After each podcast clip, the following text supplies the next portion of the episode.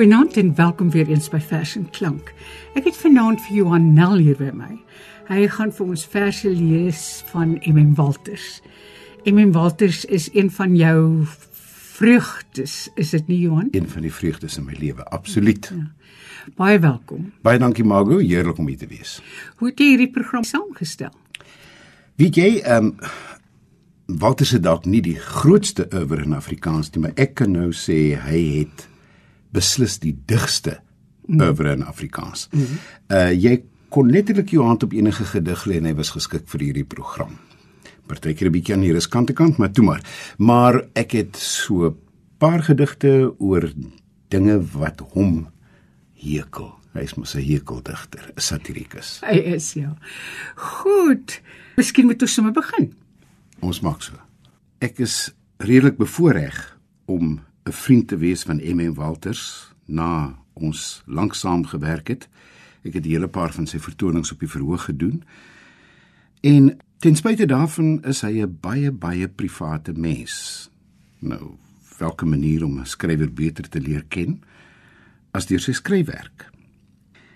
In die eerste gedig wat ek lees kom uit sy bundel Heimdal van 1974. Waarom is ek tog 'n gewone man? Waarom is ek tog 'n gewone man? wat gewoon doen en voel oor doodgewone dinge. Ek bely nie die kultuur luid in die voorste ry nie. Behoort nie aan selektiewe klubs, groepe, gildes of bewegings nie. Ook die kuns is gewoon varkvet en brood vir my. Ek dra nie baard nie en hou die hare uit my nek. Ek wil nie hippie wees nie. Ek dra skoene en ek was my voete. Ek is getroud met 'n mooi vrou en twee kinders en voel tevrede. Ek hyg nie agter oortjies nie. Maar die een wat die poesie bedryf, moet deesdae sonderling wees. Moet ledig langs riviere doel, wandelaar in wêreldstede, onteien wees internasionaal boheems in koffiekroë gedigte lees met baie trane en gebare. Parys. Waar kom die mode tog vandaan? Die sug van ander mans se oor die water is veel beter. Wat myne is, is goed. En dis vir my die beste. Ek stap dankbaar deur my land, my deel van Afrika die sen. Hoe kan ek liries skrywe oor die sen as die maan koud skyn en hierdie blou vallei omskep tot sprokiesland? Daar ginter in die mistigheid. Kastele langs die donker staart van Paardeberg en langs die kronkeling van die blink rivier, donker woude waar ridders en onmaagde dwaal. Of selfs meer nugter in die son as ek die Karoo se droë peperbossies vryf en met my neus proe aan die franken bittervruggies van die droogte. Ah, my land. Maar nee. Dit is ook te gewoon dat ek oor jou sal skryf. Ek moet opsluit poeties raak oor ander vreemder dele. Maar jy sien, ek skryf daarom oor myself. Miskien help dit. Walters word in sommige kringe gesien as 'n 60er. Maar hy homself sien hom beslis nie as 'n 60er nie want hy laat hom nie etiketeer nie. In sy gedig met die titel 60er sê hy Hul spot en sê ek laat my nie etiketeer nie. Nie name bind om my nek nie, net medaljes. Uh Walters het inderdaad 'n hekel aan akademiese snobisme. Ek uh, lees nou vir u die pittige gedig Koffiekamer ook uit Heimdal. En waar was jy tuis in die Nederlande? Mos in Amsterdam nie waar nie. Ag, hoe goed onthou ek nog die straatjie. Dit was so 'n bedevaart. En om te dink jy moet terugkeer, hoe neerdrukkend. Te begryp het aan Elisabeth weier en verkies om daar te bly. Die ballingskap se ek ook vrywilliglik aanvaar, maar die baase vang jou met die beurse. Het jy vir Karel ook ontmoet? O, oh, hy het my so gestimuleer, die stil man met die priesterlike oë en sy hande en sy baard. Ai, dat Suid-Afrika daarom nie plek het vir sy kinders nie. Maar sê eers, wat is nuut in akademiese kringe? Enige dronkenskappe of egskeidings en wie het wat van wie gesê wat die moeite werd is? Hm, hier by jou gebeur ook niks nie. En wat dink jy van die veelbesproke teses? Luister, as dit 'n D-lid werd is, dan's ek skaam ek het gepromoveer. In Nederland sou dit natuurlik nooit passeer nie. Dankie. Ek is bly jy het my standpunte artikel ook geniet. Kollega sê dis 'n fris wind, die nuwe siening van die ou bekende. Ek verwag natuurlik nog reaksie uit die noorde te min pitkos verskyn vandag vir een wat daarin gewoond is. Ek moes eenvoudig terugval op die Frans vir studies wat die moeite werd is. Dis werklik tonicum ter sielsgenesing, die nuwe Franse prosa. O, jy lees nie Frans nie. Ek moet weer tyd steel om te lees. My honeursklasse is so groot en met die MA skripsies Ai, my eie navorsing en publikasies kom met die vraag net nooit aan boord nie. Tussen hakies. Wat dink jy van vanaand se Tristia ontkledings? Ek moet erken die simplistiese benadering is vir my akademies onvoldoende. Van Wyk Lou laat nie so skoolmeesterig met hom verkeer nie. O, jy is nog in die onderwys. Nou ja, die elementêre bied seker sy eie kompensasies. Maar verskoon vir my. Ek moet vanaand nog terug. Stellenbosch toe. In die eerste vier strofes van die volgende gedig uit sy bundel Apokrypha ry vier groot Afrikaanse digters aan Walters se hekelpen. Kyk of jy hulle kan identifiseer. Sommige liedjiemakers stap sekretaars. Slampampere lewe lank. Maar een keer in 'n kleurvolle gety dansel gonsend met die goggatjies of vry hulle in hul verbeelding met die krietjies en koggemanders. Die oudtydse ridder aristokraat is van die soort wat nog Latyn met sy beminde praat. Hy plaas sy prinsesie op 'n pedestaal, onbereikbaar, onaantastbaar en troubadour dan met sy kanariekeel verbeeldingryk voor die kasteel. Hy dans sommer 'n rosekrans en nie een van die twee dink aan 'n doring nie. Ander weer dans in sale tot melktyd in die môre. As die bloed eers dun en vloeibaar is van wyn en die passie skaap maak van die andersins glasheldere gedagte, raak hy verspot met 'n papierkalot en hap hy hongerig in die dametjie se hare. Eers later in die helder son loer hy stram oog na die bron van water vir die nadors.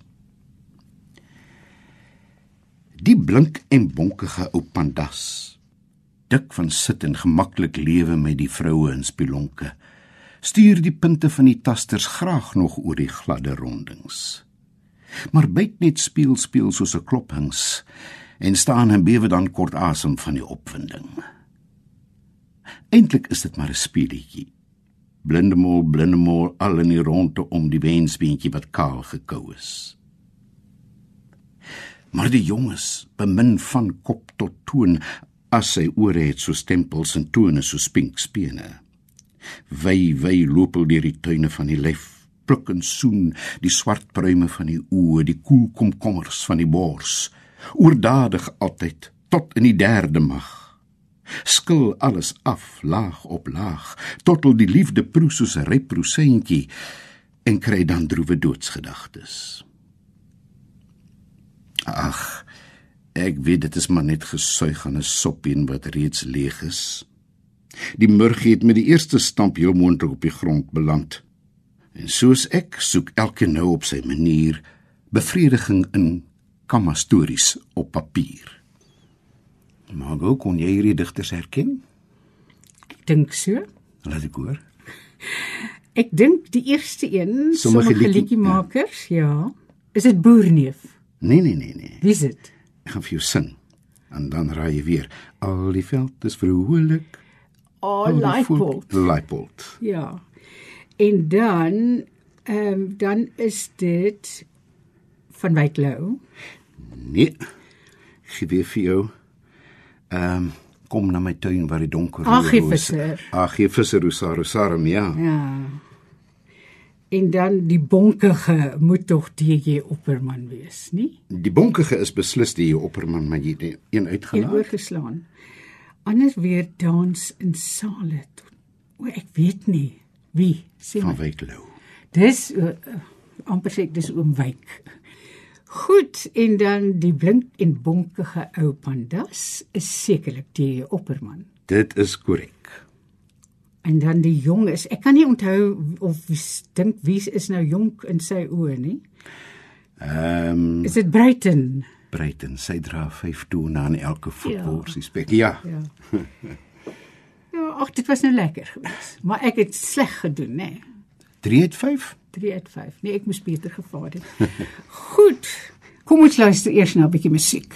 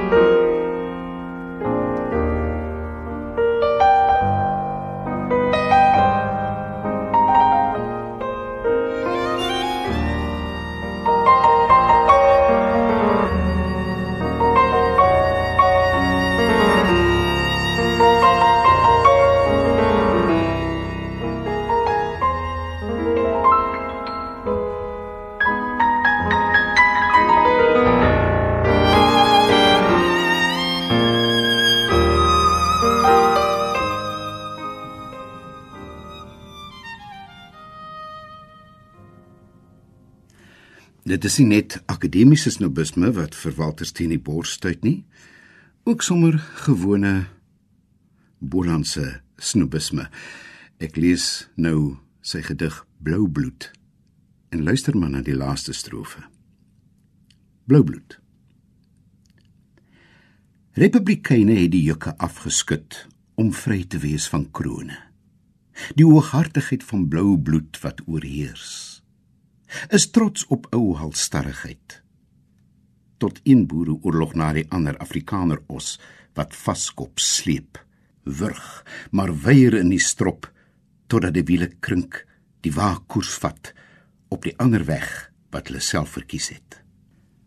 In valleie waar die vlugteling protestant sy dolgraaf diep getrap het, sy os gedryf, met vereelte hand die houtploeg vasgehou het, met ontblote hoof sy wyn gedrink, sy growwe brood gebreek het, lei breë paaie nou na nuwe koninkryke.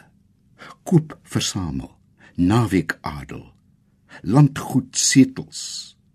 Restoreer duur argitekte bouvalwonings in paleise, glansryker as wat hulle ooit gewees het. Vestings vir nuwe vorstehuise, Prins Anton van Lamotte, Sir Jan van La Provence.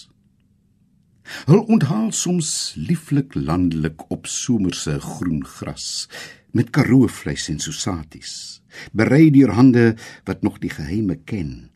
Liggel slank neuskelke met slap handjies, snuif en sê meerderwaardig: "Die Cabernet is nog nie Frans nie." Maar as die winter toesak oor die berge, watervalle begin glinster, boerevoete weer moet sjip-sjap in deurweekte landerye. Rou steenmure water trek, mos skimmel in die skaduwee, klam hout rook, laat oog traan in oop vuurherdhuisies.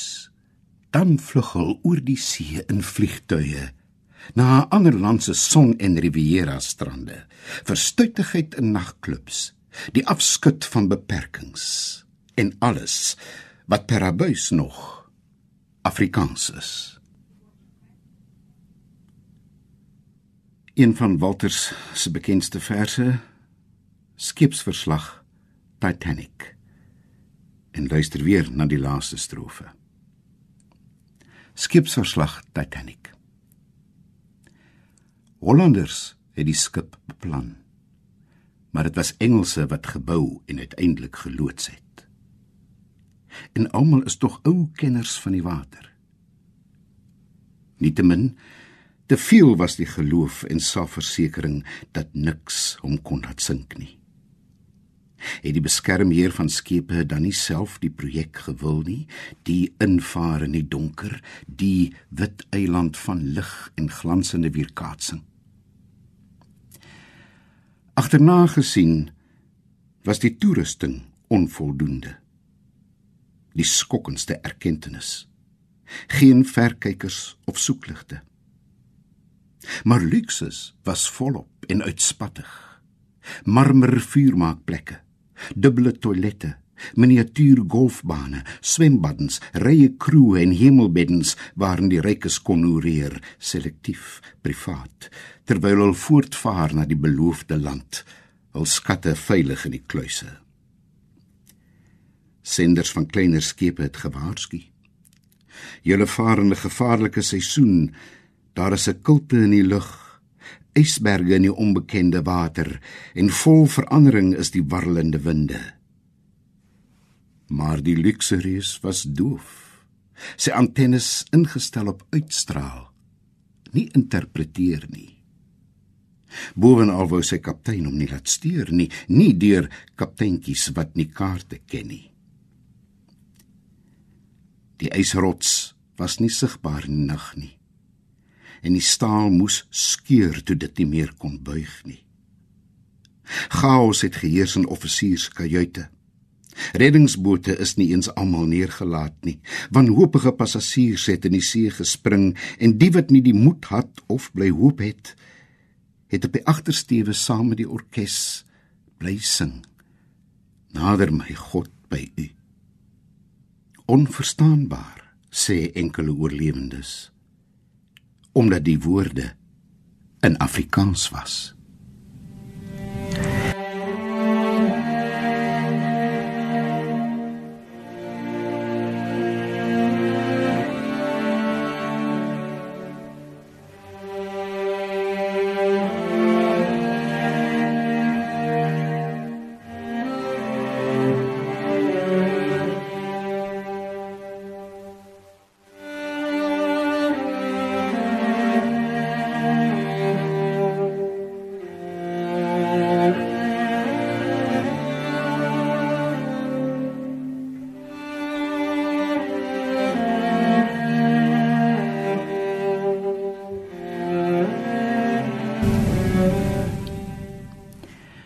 Volgende gedig, 'n nuwe sprokie op 'n ou deentjie, is toepaslik op vandag se politieke situasie in die land. Hy klink so: 'n Bende slim toornaars het in die kristal gekyk, gesien hoe die mens wik, selfs sy lot probeer skik, maar vlug in vol vrees vir die werklikheid wyk. Toe het hulle saamgebroeder in 'n plan beraam gryp sy verbeelding verleidelike speelding en verkoop hom 'n droom met 'n klinkende naam. O groote koning, kyk net sulke stofasie, elke draad is slim met voorbedagtheid gespin. 'n Landheer moet versiende wees met sy klerasie. Die koning was skepties. Jy moet eers die stemvee oortuig. 'n Skaap is 'n skieding en bang vir vernuwing en 'n troon word gebou op konservatiewe gejuig. Maar o majesteit, presies. As u die weefsel dra, staan u vir ewig blou graniet stewig en met elke verkiesing sal die volk meer daarvan vra. Met so vooruitsig het die koning gesoog en sonder slag of stoot het hy hom ontbloot as geroepene wat die ewigdurende ryk sou stig.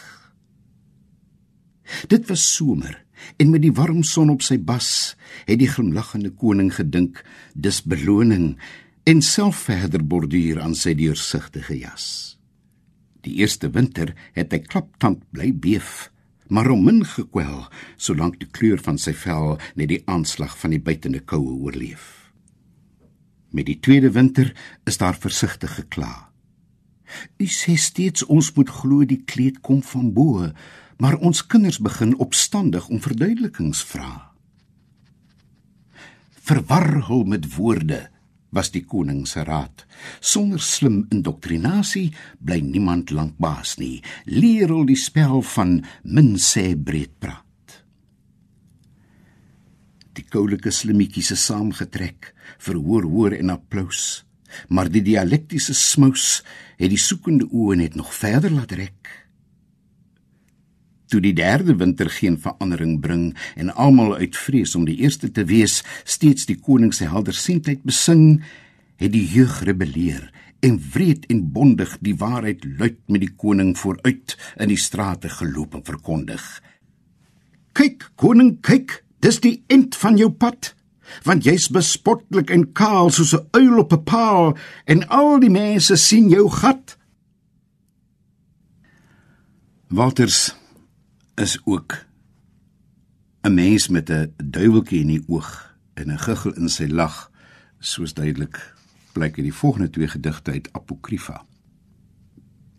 Toe Eva tussen die vyebome aantrek in modes deur die hemelse hartnel, die sagte dassie broekie en die stoute bra van springbokvel, die handgelooide minirok wat wip in 'n tweede sondeval voorspel toe sis die slange. O, jou soete meisiekind uit die paradys. Vermakerig het sy haar lae hals en bene aan die engele voor die poort gewys. En die volgende gedig uit Apokryfa is geïnspireer deur die Bybelvers Eksodus 20 vers 2. Ek ben die Here u God die u uit Egipte land uit 'n die diensthuis uitgelei het. Die ligte liggaam wat ontwaak. Die springkaanbeen wat bout word. Borsies wat begin ontkiem so saad en groei totdat die bewing die verbeelding raak. Die bruin gebrande vel en soepe ledemate bakvis wat skugter agter skuilings roer en peusel aan die aas en speels ontglip en weer lokkend agter goue vinne loer. Die vrou wat op die drempel staan en wag okselknop wat oopgaan geur en sag bloei en bloosend vrug word en uitgespel en ryp betas en dan gepluk word nee Here Ek is nog in die slawehuis. Niemand het my nog hieruit gelei nie. Waters dig ook oor die godsdiens waar hy baie dinge wat oor eeue heen as vanselfsprekend aanvaar word bevraagteken. Soos onder andere die volgende. Teoloë raak nou effens geëmbarrasseer deur die oorgeerfde absurde lering van drie persone in een heilige substansie. Sê dis oorblyfsel van Griekse subtiliteite. Sê dis misterie streng gesproke in die sin dat dit nie geken kan word deur verduideliking, maar slegs deur openbaring en selfs daarna nie te begrype is met die verstand nie. Hulle kan gerus wees. Triniteite was nooit iets vreemds nie. Sommige gode families was selfs groter in die ou Egiptiese, Persiese, Griekse tyd. Maar hulle het verdwyn met die koms van geboortebeperking. En dan sluit ek af met 'n gedig uit sy bundel Sprekende van God, waarin hy sê: Het ek ooit oor God gepraat? God self of maar net die mens se begrip van hom? oor voorstellings en simbole, een van die baie parallelle. Allah, Boeddha, Christus, noem maar op. Een of ander profeet se individueel menslike ervaring, waanbeelde, visioene, hallusinasies, modelle wat ontstaan het uit ons soveelsidige onmag, substituut vir oorsake wat onbekend is. God self, die objektiewe, werklike die een wat skuil gaan agter ons metafisiese projeksies bly op geen enkele wyse te benader